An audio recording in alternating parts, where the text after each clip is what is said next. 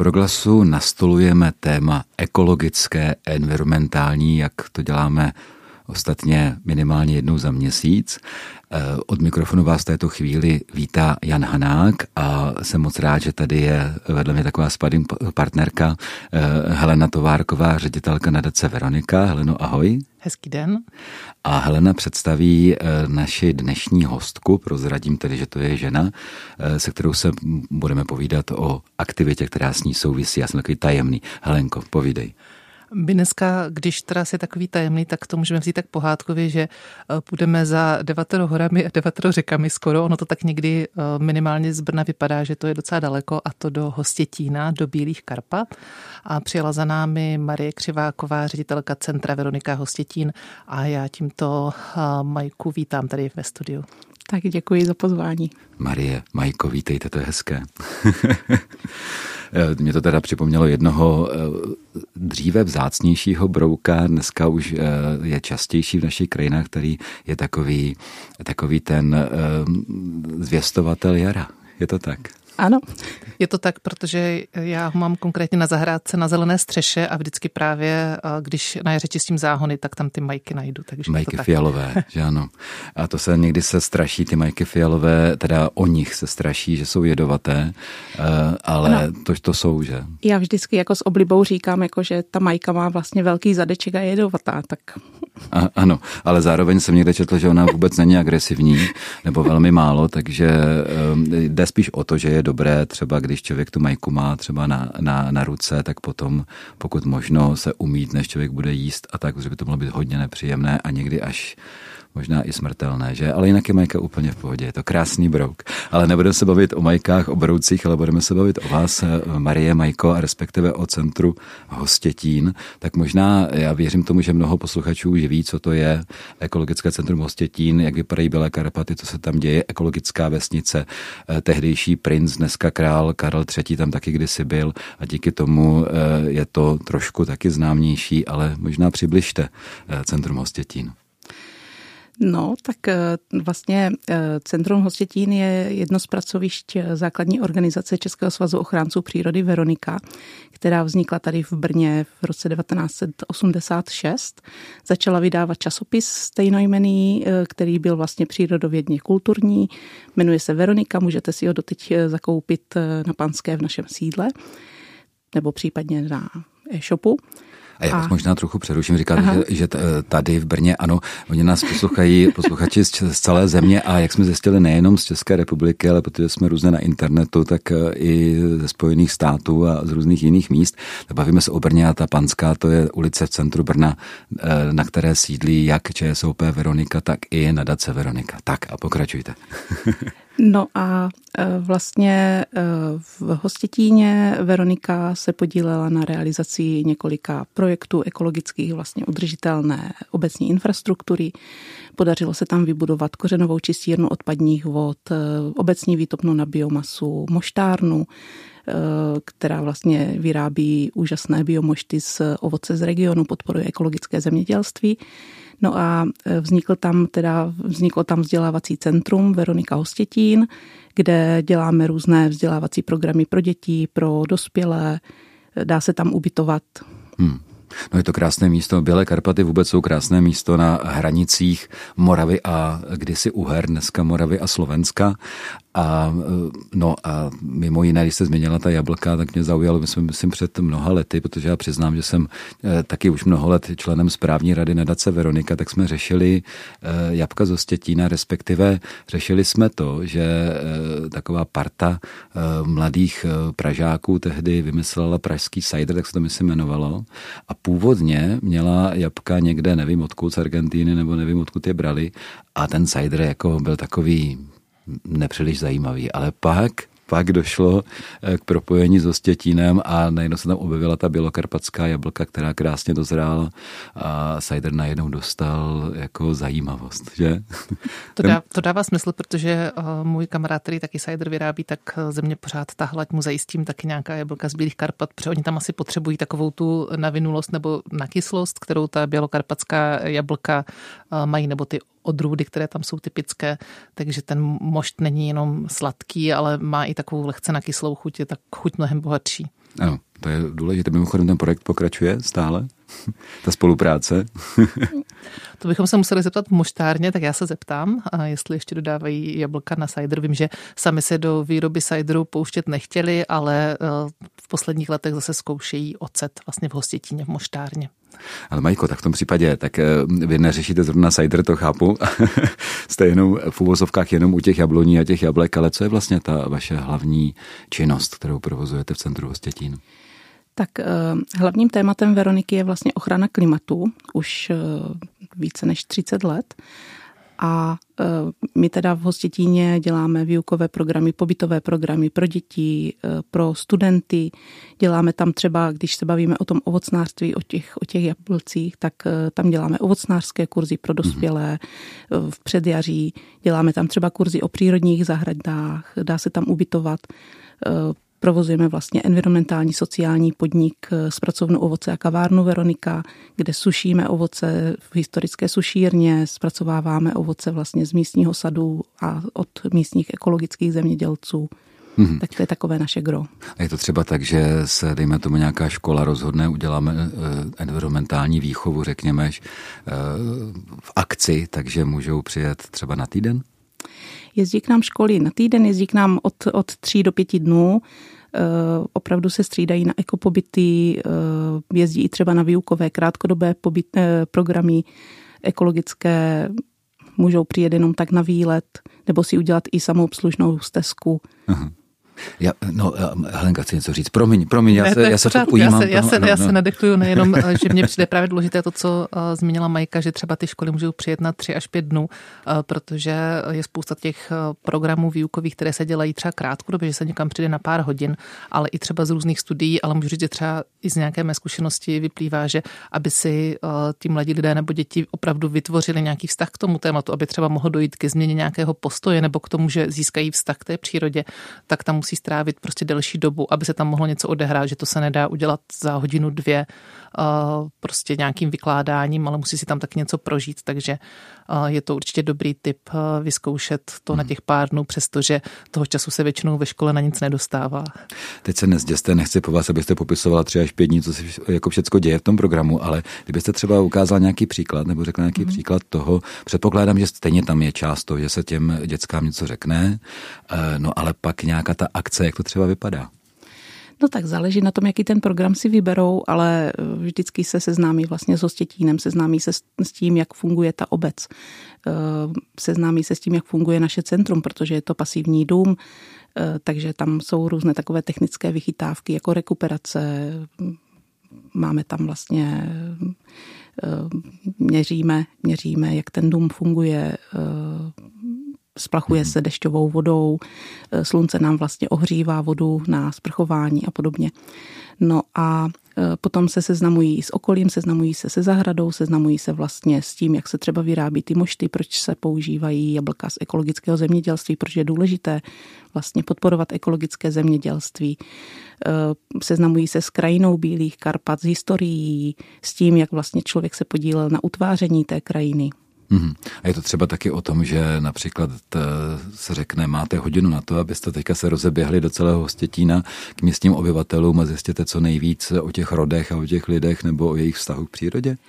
To úplně ne, oni spíš eh, třeba bádají v přírodě, takže dělají výlovy v, rybní, eh, v našem eh, rybníčku nebo v potůčku, který teče přes zahradu, pozorují živočichy v lese, na loukách, v mhm. zahradě.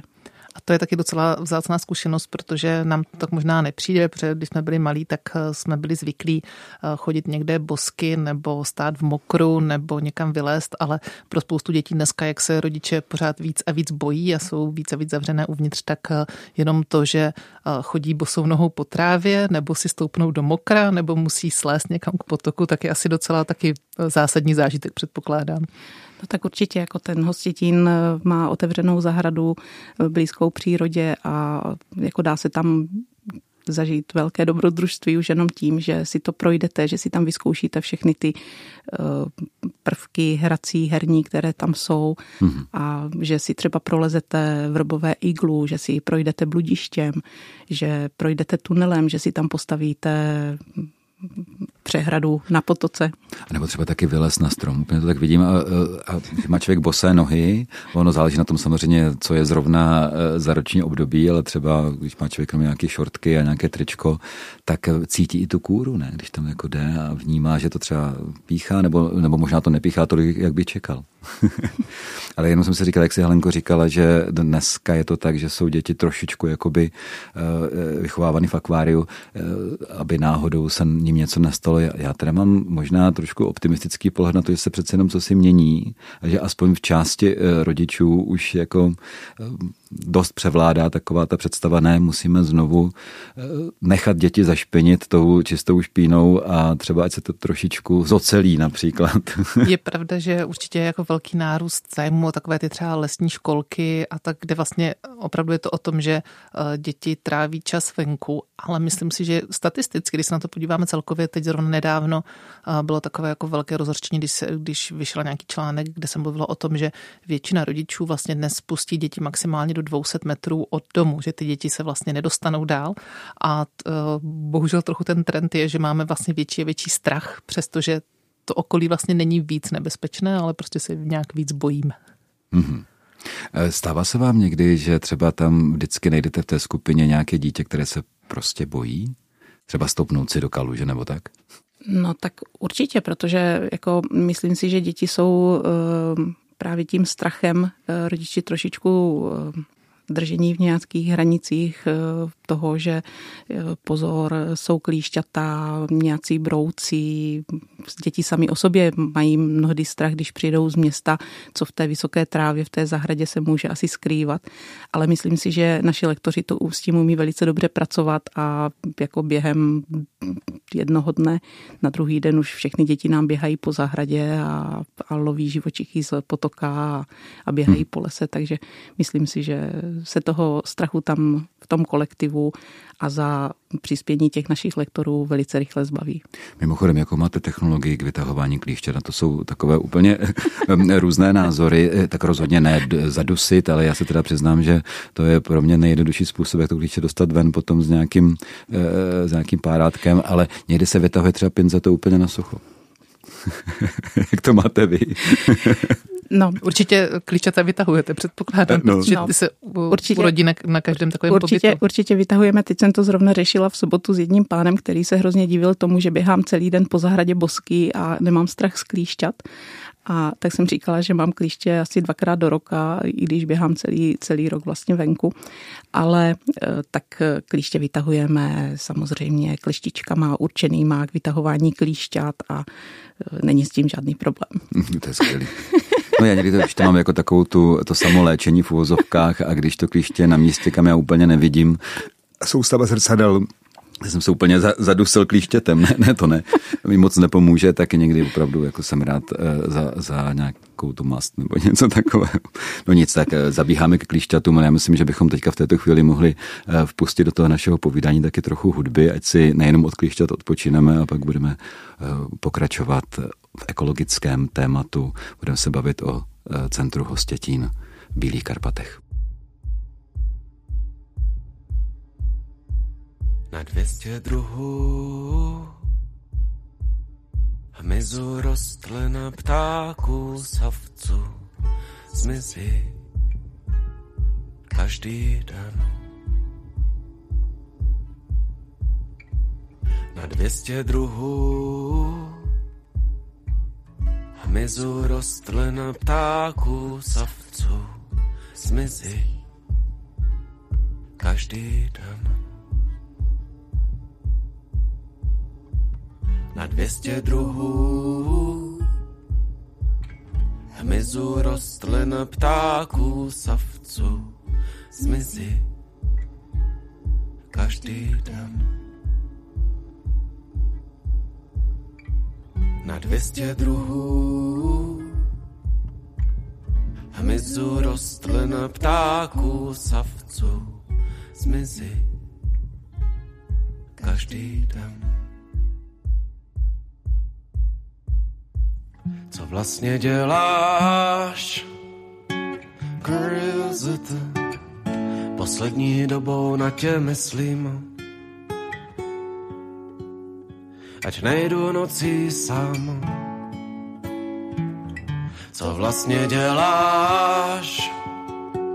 Curiosity, poslední dobou na tě myslím.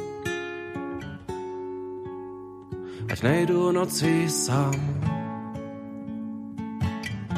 Když spálíš srdce, zbude rudý prach, za nechtem by se ztratil, zanáší pláty i dráty a ty v něm trpělivá hledáš vzkaz ukrytý, že někde ve tmě je ještě někdo jiný, někdo, kdo nejse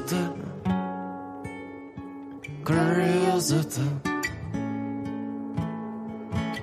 Ke komu a za koho se modlíš? Curiosity.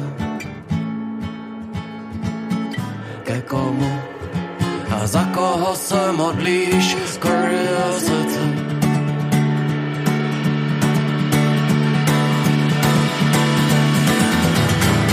Na dvěstě druhů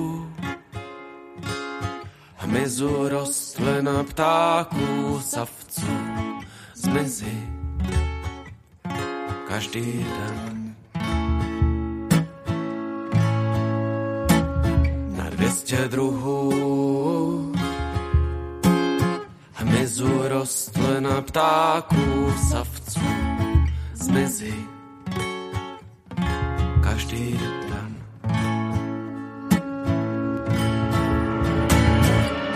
Dvěstě druhů hmyzu rostlin ptáků savců zmizí každý den. Na dvěstě druhů hmyzu rostlin ptáků savců zmizí každý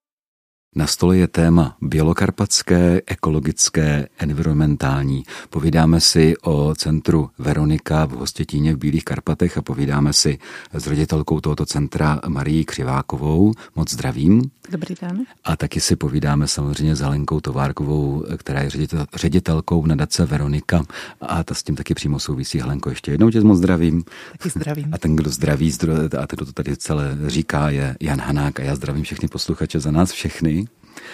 Eh, Majko, vy jste mluvila o těch pobytech pro děti, ale vím, že vy taky děláte eh, pobyty pro děti, které třeba mají nějaký handicap a to třeba i sluchový nebo svalovou atrofii a podobně. Tak eh, to by mě to jako velmi zajímalo, protože tam třeba možná ne vždycky takové lezení na strom nebo něco je třeba možné, nebo je to možné, nebo jak se to vlastně dělá? No, je to zajímavé a řekla bych, že s každým tím pobytem a s každým dítětem je to jiné. My jsme se vlastně začali zabývat nějakým propojovaným environmentální výchoví se sociální oblastí s přibližováním ekologických témat vlastně handicapovaným někdy v roce 2014, kdy jsme přemýšleli, že vlastně ten Hostětín není žádné takové jako typicky turistické místo, je to spíš taková klidná oblast, je to obec, která má 230 obyvatel. Ta naše zahrada opravdu e, láká spíš k takovému odpočinku a zároveň jako je to velice zajímavé místo, plné různých projektů, různých e, zajímavostí technologických. No a e, dělali jsme si takový průzkum ve spolupráci s Českou asociací vzácných onemocnění, kdy jsme se bavili o tom, že vlastně e, jsou různé druhy zdravotních handicapů, zdravotních omezení a vlastně e, všichni ti lidé, ať už jsou to děti nebo dospělí, tak mají sice nějaký zdravotní handicap, ale jinak vlastně jsou úplně stejní jako, jako zdravé děti, zdraví dospělí. Takže úplně stejně touží potom jít do té přírody, poznávat tu přírodu, seznámit se s těmi živočichy, poznat třeba ty rostliny, zažít něco zajímavého, nějaké dobrodružství. A vlastně jako my jsme začali řešit, jakým způsobem jim vlastně tady toto eh, bychom dokázali přiblížit, eh, tak, aby to bylo přizpůsobené nějakým jejich možnostem, jejich potřebám a aby si to vlastně hlavně užili. Mm-hmm. No mně přijde zajímavé totiž to, že eh, když přijde do té přírody někdo, kdo nemá vlastně žádné fyzické omezení a může dělat celkem cokoliv, na co, eh, pokud nemá tady strach, o tom se už bavili, a ten může být velice svazující, tak ale může dělat vlastně cokoliv, co ho napadne. Ale když tam najednou se objeví dítě, které třeba neslyší, anebo dítě, které nevidí, anebo dítě, které má tak eh, jako, eh, řekl bych, oslabené svaly, eh, že jednoduše se nikam nevyšplhá, možná ani nechodí, jo, což je asi dost, dost časté. Tak mě by zajímalo vlastně, jestli i vy vy sama nebo vaši kolegové vnímáte, že, že vám třeba přinesou nějaký velmi zajímavý vhled do té krajiny, kterou vy ani nevnímáte, protože oni třeba v některém smyslu jsou bystřejší, když jiným chybí. Je to tak? No, je to přesně tak, protože um, ano, zdravý člověk, když přijde do té přírody, tak eh, tam může dělat cokoliv, ale zároveň možná eh, to jeho vnímání je eh, roztříštěné a vlastně vnímá tu přírodu trošičku jinak. My to bereme jako samozřejmost. Mnohé věci bereme jako samozřejmost. Eh, zatímco vlastně eh, pozorujeme, že když eh, jdeme do té přírody nebo děláme ty ekologické programy nebo ty naše programy s dětma, s dospělými, kteří mají nějaké zdravotní omezení, tak vlastně oni si to užívají trochu jinak, jiným způsobem, tak jako víc intenzivně. My, jste, my jsme z toho měli eh, ze začátku docela strach, protože jsme si říkali, eh, nejsme žádní sociální pracovníci, eh, nevíme, jak s těmito lidmi pracovat, ale oni jsou jako velice vstřícní a opravdu chtějí poznávat a jsou rádi za jakékoliv příležitosti jít do té přírody. A já teda musím říct, že ty programy naše jsou v podstatě stejné, jenom jsou trošku přizpůsobené. Jako řekla bych, eh, neukážeme zdravému člověkovi něco jiného než člověkovi na vozíčku. Eh, ukazujeme jim pořád stejné věci, jenom třeba ten způsob, jakým jim ty věci přibližujeme, jsou jiné. A zase na druhou stranu eh, jsme se naučili, protože třeba když pracujete nebo připravujete program pro nevidomé, tak potřebujete jim ty věci přiblížit přes chuť, čích, sluch, Mm-hmm. Jo, musíte jim ty věci popsat. Eh, musíte přemýšlet nad tím, jak jim popíšete třeba strukturu listu, jak jim popíšete, eh, já nevím, barvu kamene nebo nějaké takovéto věci toho živočicha konkrétního, tu rostlinu. Nejlíp, když vlastně si můžou na ty věci šáhnout, když si můžou poslechnout, jak třeba něco, něco chrastí. A vlastně osvědčilo se nám eh, tady tyto způsoby eh, vlastně toho přibližování potom zařadit i do těch programů pro ty zdravé lidi. Mm-hmm. Že vlastně teďka jsou různé terapie lesní, zahradní a podobně. A vlastně jakože člověk eh, i zdravý může mnohé věci objevit, když se na to začne dívat trošičku jinak. Mm-hmm. No, skoro okolností, kdyby, eh, kdyby teďka tady mohl mluvit i Roman Kabelka, který zvučí tady tento rozhovor, to znamená, on nás slyší, ale eh, mluvit eh, do toho mikrofonu tady teďka nemůže, tak Roman sám je nevědomý a mně se moc líbilo, že ještě tady máme zpravodajku Janu Kuklovou, která je taky nevidomá a když, když měl Roman nového psa, Elona, tak, tak Jana přišla, počkej, já se na něho podívám. A mně se to vlastně velice líbilo, že používá i tady tato slova, protože vlastně nějak hmatem nebo jo, jako vnímala toho psa, ale říkal jsem si, že eh, ano, ono to není jenom o, v úvozovkách jenom o tom, jako ohmatat a vnímat nějaké, uh, nějaký tvár třeba nebo hebkost a tak podobně, ale že to je něco, co vytváří vizuální obraz jenom jiným způsobem. Konec konců to, o to se tady snažíme v rozhlase celou dobu. Vytváříme nějaké vizuální obrazy. Vy si třeba představujete, milí posluchači, i nás, jak vypadáme, jak vypadá tady Marie, jak vypadá Helenka, jak vypadá Jan, tedy já. A přijde mi to eh, jako vlastně velmi zajímavé, ale proto jsem se na to vlastně ptal, jestli třeba vy jste, eh, máte třeba nějaký konkrétní zážitek, jo, kdy vám někdo, kdo je nevidomý nebo neslyšící nebo, nebo třeba na vozíku, jestli vám třeba došlo, no jasně, teď, teď, ano, teď vlastně já to můžu třeba vidět nebo slyšet i takto.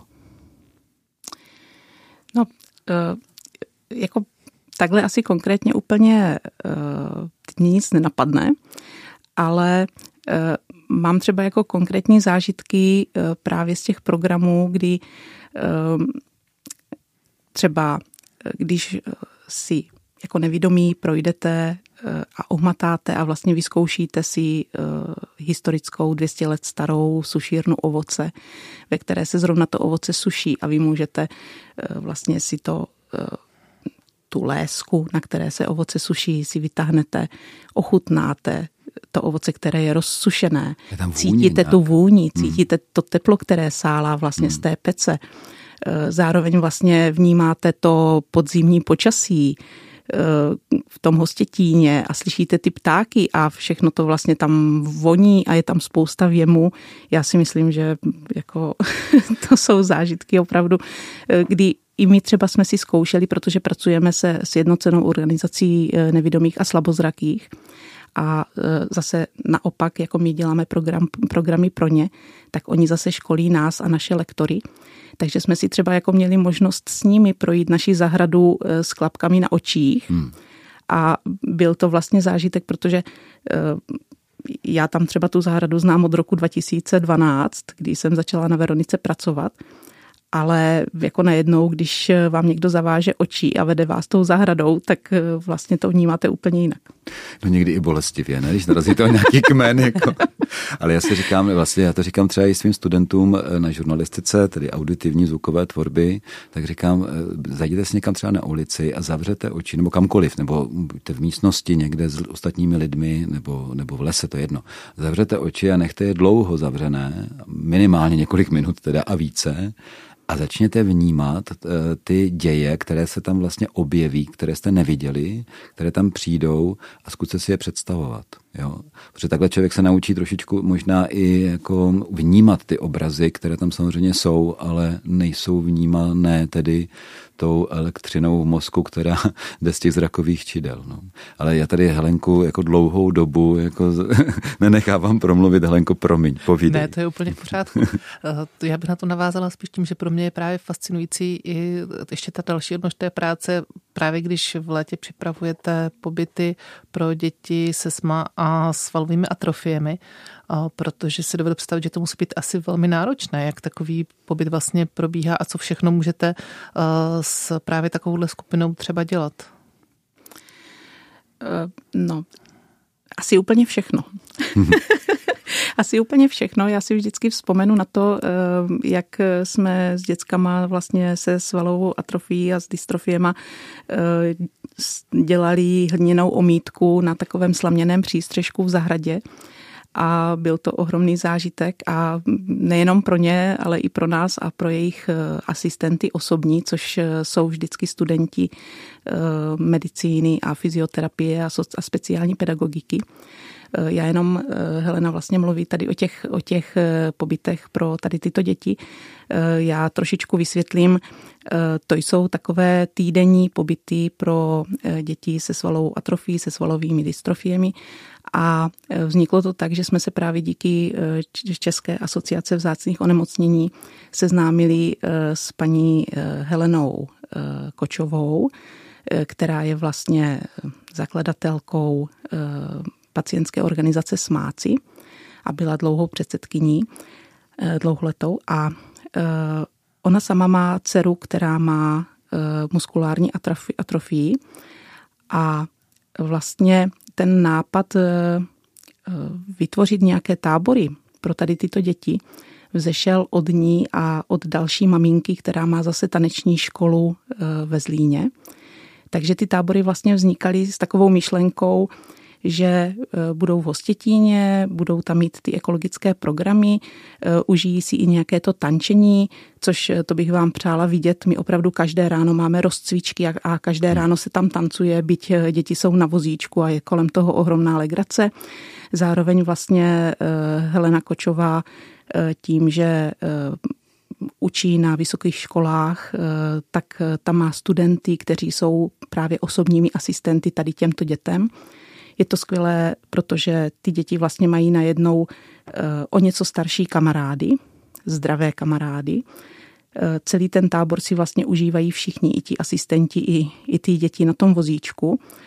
A Eh, opravdu jako dá se s nima dělat úplně všechno. My s nima vaříme, my eh, jezdíme na výlety speciálním autobusem pro vozíčkáře, eh, my jezdíme s vozíčkama po zahradě, lovíme přesně breberky z toho potoka v zahradě, byli jsme i v lese, byli jsme u přehrady, dělali jsme třeba tu hliněnou omítku na tom hmm. slaměném přístřežku a to bych vám přála vidět, protože opravdu všichni eh, dostali tác, hnětli jsme bláto s plevama, potom jsme to dávali vlastně na ten slaměný přístřešek, zdobili jsme to, všichni byli celý od bahna, eh, vozíčky byly od bahna, všechno jsme to čistili, pak jsme asi týden třikrát denně umývali podlahy, protože hmm. se bláto vozilo všude.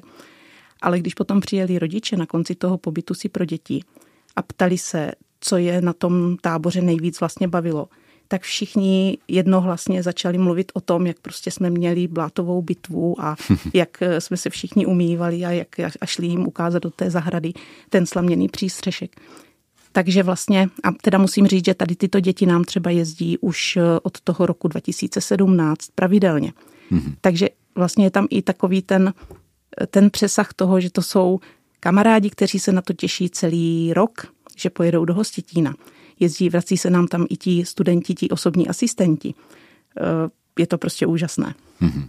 To věřím, že jim můžou závodit úplně všichni, ať už eh, děti nebo dospělí, protože možnost užít si blátovou bitvu nebo vůbec zašpinit se, tak eh, to je taky něco, co dneska myslím hodně postrádáme. Že? No to jak to plácám se do té kaluže někde, ano. Ale já si tak jako vzpomínám na to, moji přátelé před asi 20 lety koupili eh, hliněný dům, tedy prostě klasické Vepřovice, Kotovice na Jižní Hané, starý krásný dům a potřebovali opravit a tehdy, tehdy hledali někoho, kdo by tu hliněnou omítku, která by měla s, tím, s tou nepalenou cihlou být samozřejmě nějak eh, v symbioze, že jinak to fungovat nebude. Kdo by to dělal a zjistili, že to teda nedělá vlastně nikdo, nebo tehdy nedělal, tak se do toho pustili sami a, a dneska jako patří mezi vlastně velké odborníky na hliněné omítky, na hliněný dům. Ale mně se moc líbilo, že tam třeba zrovna té Jižní Hané je taková eh, starodávná tradice, takzvané prstové omítky a to je, to je eh, té hliněné a to je ozdoba. Jo, jsou to takové vlastně obloučky, které se takhle opakují neustále horizontálně a ono, ty obloučky jsou dělané prostě lidskou rukou, těmi prsty, že člověk udělá ten oblouček a hned tam má čtyři až pět tedy takových drážek eh, a vypadá to moc hezky, ale vlastně vím, že oni mluví o tom, že, že mají velmi dobrou Eh, jako kůži. Ti co, ti, co manuálně pracují a dělají tvrdě, že, ale dělají s tou omítkou, tak ta omítka to je, to je nejlepší, jako jak se tomu Peeling. říká? Peeling, jo, nebo to je takový, ano. no, prostě péče, péče o pokožku. Tak to, to, jenom... to jsme si vyzkoušeli taky a my teda jsme uh, používali podobnou techniku, my jsme zase do té omítky dělali vlastně otisky dlaní, mm-hmm. takže každé to dítě tam mělo vlastně ty otisky svých dlaní. A uh, jak jste se na začátku nebo ptal eh, na nějaký zážitek, na nějaký mm-hmm. vlastně, co mě překvapilo, tak eh, zrovna když jsme dělali eh, se smákama, protože vlastně je to pacientská organizace smácí, tak my jim mm-hmm. říkáme smáci, takže když jsme zrovna se smákama dělali, dělali tady ty hliněné omítky, tak v jiné části zahrady probíhal výukový program pro děti s poruchami autistického spektra, a odběhl odtud jeden chlapeček, který se přidal k nám a vydržel asi půl hodiny sedět a pozorovat ty ruce od bláta. A opravdu se zaujetím pozoroval asi 30 minut, jak ta struktura, jak to bláto, jak se to lepí na těch rukou. A jako bylo to strašně zajímavé. A přišla vlastně jako jejich paní učitelka, která ho chtěla odvést, vrátit do té skupiny. A když viděla, jak, jak je zaujatý a jak opravdu je šťastný z toho, že má na rukou bláto a, a vlastně může to pozorovat, tak nám ho tam nechala. Tak to, to byl pro mě takový jako zážitek, že jsem si říkala, tak to je skvělé. No já nechci eh, v žádném případě schazovat eh, žádné takové ty hračky a podobně, které mají rozvíjet všechny možné eh, i nemožné snad jako schopnosti dětí a tak jsou někdy velmi komplikované, ale mě vždycky na tomto fascinuje to, že stačí opravdu troška bláta a ona je nejenom, že to je hračka, ale ono to vlastně zároveň jako nějak rozvíjí toho člověka, jenom to se dívá, jak zasychá třeba bláto na jeho, na jeho dlaních. Já myslím, že je čas vpustit do našeho povídání opět další píseň.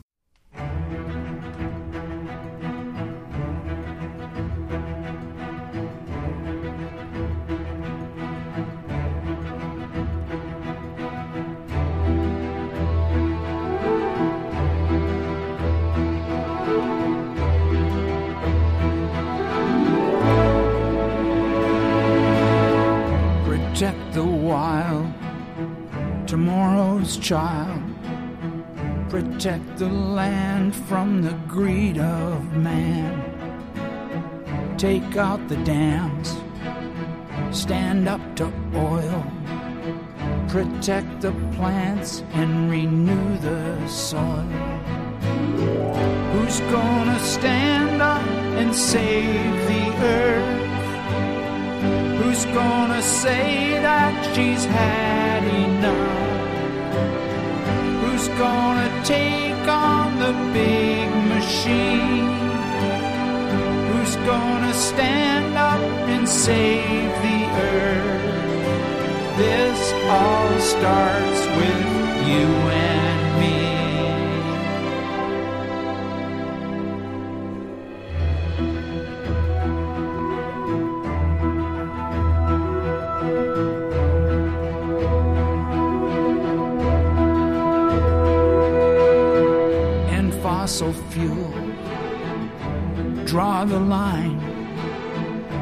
before we build one more pipeline. And fracking now. Let's save the water and build a life for our sons and daughters. Who's gonna stand up and save the earth? Who's gonna say that she's had enough? Gonna take on the big machine? Who's gonna stand up and save the earth? This all starts with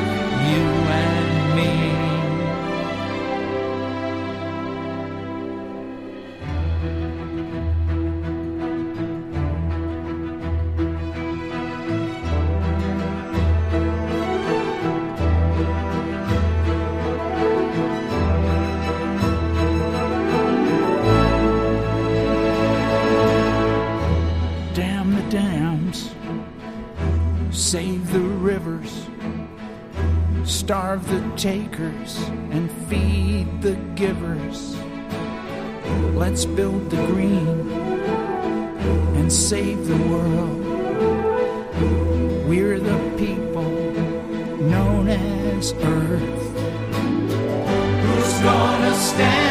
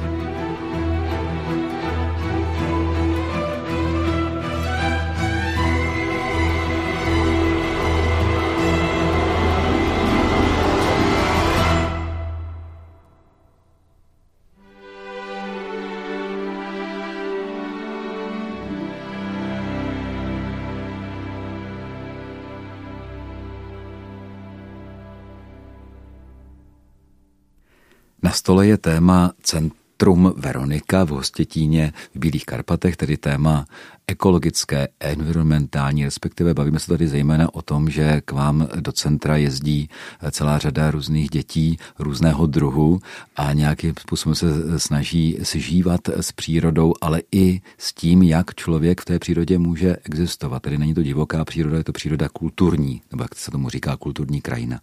A povídáme se tady o tom samozřejmě s ředitelkou centra Veronika Marí Křivákovou a povídáme si taky s Helenou Továrkovou, ředitelkou nadace Veronika.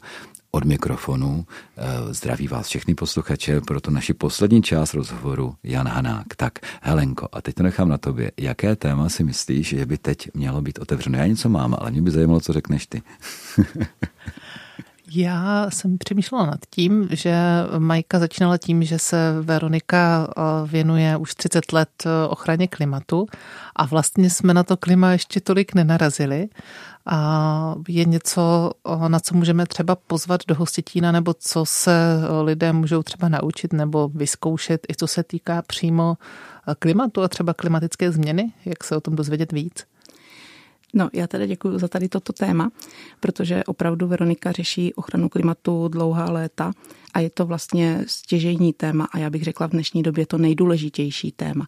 My si tady sice povídáme o tom, jak eh, učíme děti ochraně přírody, ale vlastně je potřeba, aby jsme učili děti i ochraně klimatu, aby jsme eh, sami eh, dělali maximum pro ochranu klimatu my se bavíme tady o Centru Veronika Hostětín, ale zároveň vlastně Centrum Veronika Hostětín je součástí Ekologického institutu Veronika. A e, teď třeba jsme měli e, na konci minulého týdne e, závěrečnou konferenci CO2 ligy, kdy to bylo opravdu slavnostní zakončení programu celoročního pro školy, kde děti a studenti prezentovali svoji celoroční práci v Senátu před eh, politiky, před eh, norským velislancem a podobně. Takže to bylo opravdu jako velice důležité a je zajímavé pozorovat, jak eh, ty děti jsou tady v této otázce možná mnohem flexibilnější a mnohem lepší, pokrokovější než my dospělí, kteří pořád přemýšlíme nad tím, že bychom se měli v něčem omezit nebo že nám třeba něco bude chybět z toho, co, co, na co jsme zvyklí ale děti to vnímají úplně jinak a opravdu jim jde o to, aby eh, jsme chránili to klima a chránili tu naši planetu. No a já to tak vnímám, že, že v centru Hostětín se dělá spousta věcí pro děti, tedy nejenom tedy, jak mít rád přírodu a jak ji vnímat, ale taky klima samozřejmě zásadní, protože bez toho by ta příroda v této podobě ani v Bílých Karpatech prostě nebyla. A eh, dělá se taky něco pro dospělé? No samozřejmě, co se týká ochrany klimatu, tak eh, vlastně eh, pořádáme třeba klimatickou akademii, eh, kdy se můžou účastnit lidé se zájmem o klima, o ochranu, o přírody, o třeba občanský aktivismus a lidé, kteří třeba přemýšlí, jakým způsobem oni můžou ovlivnit ochranu klimatu ve své obci, ve své komunitě. A e, vlastně Klimatická akademie je e, takový dlouhodobý program, kdy e, napřed účastníci tady tohoto projektu, toho, toho běhu se seznámí s fungováním Hostětína, s projekty v Hostětíně, s tím, jak vlastně jde přistupovat k nějaké obecní infrastruktuře jak to může fungovat. Eh, potom si tvoří eh, svoje projekty, svoje plány, co by chtěli změnit ve své komunitě. Eh, vzájemně se podporují, mají různé semináře, konzultace k tomu od odborníků na ochranu klimatu a vlastně je to zakončené hm, společnou prezentací těch jejich projektů a je to také vlastně podobně tak, jak ta CO2 liga mm-hmm. mezi dětmi, tak eh, tady ta klimatická akademie je důležitá vlastně pro ty dospělé, protože oni potom na sebe nabalují eh, v té své komunitě další lidi, kteří se podílejí na té změně. Mě by vlastně docela zajímalo, protože ti dospělí tam nemusí jenom přijíždět, ale ti dospělí v Ostětíně žijí.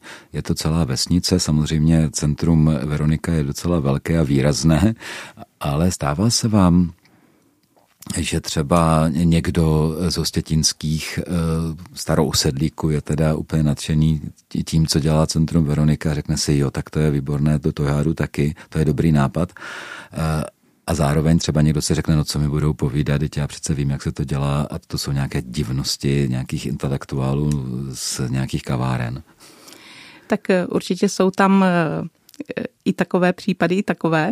Eh, máme spoustu příznivců v Hostitíně, lidí, kteří pracují v naší organizaci, lidí, kteří nám pomáhají, kteří se třeba účastní našich akcí. Samozřejmě jsou tam i skeptici, kteří se na některé naše projekty můžou dívat eh, trošičku No, já tomu rozumím, protože já jsem, já jsem krom jiného farářem na venkově a nikdy z venkova nepocházím, že? Hmm. ale když jsem tam přišel s nějakými myšlenkami, samozřejmě neprosazoval jsem je, takže já jsem tady farář a kdo je víc, no ale vnášel jsem ty myšlenky nějak, že by se s těmi poli třeba v tam na té jižní Hané dalo pracovat trošku jinak, než tak, že se tam 12 hektarů polí jednoduše uh, ani neohře pořádně a jenom se to jako vlastně pronajímá tím velkokombinátům, uh, no tak pochopitelně, že byla celá řada lidí, kteří říkali, jako v úctě, je to farář, to jo, ale, ale co nám bude vlastně povídat v podstatě ten floutek z toho Brna, jo. Ale to, jako, samozřejmě tam byla celá řada lidí, kteří si potom řekli, ale to je vlastně docela dobrý nápad. Jo? A, a taky já jsem začal zjišťovat, že to není tak úplně jako jednoduché, jak jsem si to vymyslel někde u stolu. Tak to, to, o to mi vlastně šlo, jako hostětínské centrum Veronika už je tam dlouho, jestli došlo k nějakému takovému posunu, toho zblížení tě, té obce a toho centra. Možná ono je to tak, jako je to všude, že je část lidí, kteří to mají moc rádi, milují to, část lidí, kteří na to nadávají, je část lidí, kterým je to jedno. Hm. a já můžu říct, že já sama jsem byla svědkem nějaké situace, kdy jsme tam v Osvětíně byli a bavili jsme se tam s nějakými místními někde u piva a zrovna tam byli třeba dva, tři lidi, kteří tak jako trošku na, to, na něco nadávali, protože zrovna někde někdo parkoval při nějaké akci nebo něco takového. A já, já jsem jim právě říkala, víte, co je na tom fajn, že uh, vy tady díky tomu, co se tady vlastně podařilo, máte aspoň na co nadávat, protože ty obce, kde prostě chcípl pes a není tam vůbec nic, tam nemáte ani si na co postěžovat, protože vy, když někam dneska přijdete, tak máte o té obci co říct. Můžete říct, co se tam děje, co se tam prostě podařilo. Spousta lidí o tom slyšela. Vy jste od někud, kde o tom dokážete někomu něco povykládat a i to, že si na to můžete zanadávat, je vlastně pozitivní, protože je o čem mluvit. A mně třeba přijde důležité vlastně, že všechny ty projekty, které v Hostětině vznikaly, tak vznikaly z potřeb eh, té obce, z potřeb těch obyvatel. Eh, obec vlastně eh, neměla čističku odpadních vod, byla tam stavební uzávěra, takže bylo potřeba tady tento problém řešit a vlastně Veronika přišla s možností podívat se na ten problém trochu jinak, eh, vymyslet nějaký způsob ekologičtější, takže jako nabídla možnost vybudování kořenové čistírny odpadních vod. Mm-hmm. Podobně vlastně eh, s, to bylo s obecní výtopnou na biomasu. Řešilo se, jakým způsobem zajistit teplo pro ty místní obyvatele, aby se netopilo uhlím. Takže vlastně zase místní obyvatele se inspirovali příklady z Rakouska a vybudovala se obecní výtopna na biomasu. Spotřebovává se tam vlastně odpadní eh, dřevo eh, z okolních lesů a dřevo zpracujících závodů. Podobně moštárna Řešil se problém s pozemky, které byly ladem, které lidi dostali v restituci v kraji, který byl tradičně ovocnářský, takže se přemýšlelo, jakým způsobem podpořit vlastně tu péči o, to, o ty sady, o ty pozemky a vlastně ta moštárna eh, lidem zajišťuje odbyt jejich ovoce, motivuje je k tomu, aby pěstovali ovoce, aby se starali o ty, o ty sady. Eh, podporuje tím, že vykupuje především eh, ovoce v biokvalitě, tak vlastně podporuje ekologické zemědělce. Takže hmm. vlastně jako tohoto já si na tom celém cením, na tom procesu několika letem, protože se bavíme o procesu, který probíhal od roku 1995 hmm. až do dnes, tak eh, si vlastně cením toho, že opravdu eh, to nebyla žádná parta ekologů, která by někde vybudovala centrum, ale opravdu vlastně všechny ty aktivity vznikaly a navazovaly na nějaké potřeby těch místních obyvatel. Ono, když se říká místních obyvatel, tak já myslím, že teďka je ještě důležité zmínit eh, některá konkrétní jména, co tady napadla, protože uh, Majka Křiváková stojí za spoustou práce, která se vlastně v centru Veronika Hositin podařila, ale nebylo by to všechno možné bez Mirka Kundraty, který je vlastně místní rodák a předseda správní rady nadace Veronika, který tam uh, řadu těch projektů a těch lidí přivedl a taky bez Ivony Gajlové, vlastně ředitelky institutu Veronika, uh, která tam, myslím, třeba například vlastníma rukama radila stavební firmě, jak se má stavět pasivní dům v roce 2006, kdy to ještě nikdo vůbec netušil. A poslední jméno, i když nemůžeme vyjmenovat všechny, tak asi taky Radim Machu, který od počátku vede moštárnu, protože bez těch konkrétních lidí by se to vlastně nikdy neodehrálo. No, buďme aktuální.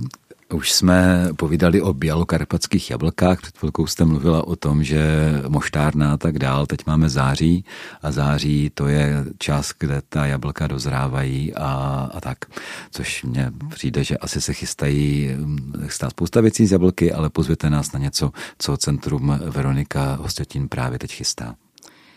Tak, uh... Veronika ve spolupráci právě s Moštárnou a s občanským združením Tradice Bílých Karpat Eh, pořádá eh, ve spolupráci s obcí eh, každoročně vždycky na konci září jablečnou slavnost. Je to taková oslava ovocnářství a toho, toho kraje, toho regionu. A v letošním roce to připadá právě na 24. září, je to poslední neděle, mm-hmm. tak tam vás co nejsrdečněji zvu. Eh, je to opravdu velká akce, kde se můžete seznámit eh, s naší činností, můžete si prohlédnout všechny ty projekty, protože tam probíhají exkurze. Eh, můžete třeba ochutnat na 80 druhů jablečných moučníků, které připravují hospodyníky z Hostětína. Eh, můžete jak, ochutnat... jak, jak dlouho se to, eh, to probíhá? Protože 80 moučníků to je tak na týden, ne? Nejmíň. no, uh, ono se to sní rychle. To, to probíhá to právě, kdo už je poučený, tak ví, že na ochutnávku moučníku je potřeba si vystát frontu a aby se na něho dostalo to, na co má chuť, tak musí být hodně rychlý.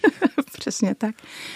Stejně tak vlastně můžete ochutnat čerstvý jablečný mošt, který často bývá první v té sezóně. Takže je tam spousta zajímavostí. A jednou teda z těch zajímavostí eh, je i eh, tradiční stezka eh, pro děti v zahradě, kterou připravují lektoři a zároveň což byla novinka loňské jablečné slavnosti. A protože se nám osvědčila, tak v tom chceme nadále pokračovat tak je takzvaná klimatická zóna nebo zóna klimatického vzdělávání, kde si lidi můžou vyzkoušet třeba výrobu biouhlu a dozvědět se o komunitní energetice, o našich projektech, o způsobu, jak eh, vlastně přispět k ochraně klimatu. Na té jablečné slavnosti je to většinou tak, že člověk eh, neví, kam by dřív skočil, že já si to tak vybavuju, že kolem 10. 11. to začne a najednou jsou čtyři hodiny a stejně jsem nestihla spoustu věcí, co jsem chtěla vidět. Předpokládám, že o akcích centra Veronika v Hostětíně se dá dočíst taky třeba na webových stránkách, tak jakých? Takže je to www.hostětín.veronika.cz Děkuji moc krát. No a věřím tomu, že mnoho posluchačů se vydá, i kdyby třeba byli někde z Aše nebo od Karlových varů nebo třeba z Liberce, tak se vydá úplně na východ naší země do Bílých Karpat, aby vás navštívili. Eh, našimi, našimi dnešními hosty, řeknu to teda ještě stále plurále, protože Helenku tady už považuji téměř za spolumoderátorku, ale byli eh, Marie Křiváková, ředitelka Centra Veronika v Hostětíně v Bílých Karpatech. Majko, děkuji vám. Já děkuji taky za pozvání. Helena Továrková, ředitelka nadace Veronika. Helenko, děkuji. Taky děkuji. A od mikrofonu se v této chvíli loučí Jan Hanák. Na stole je téma. Společenské, kulturní, náboženské a třeba i politické. Každopádně aktuální. Hodinové rozhovory každé všední dopoledne po deváté a po půlnoci.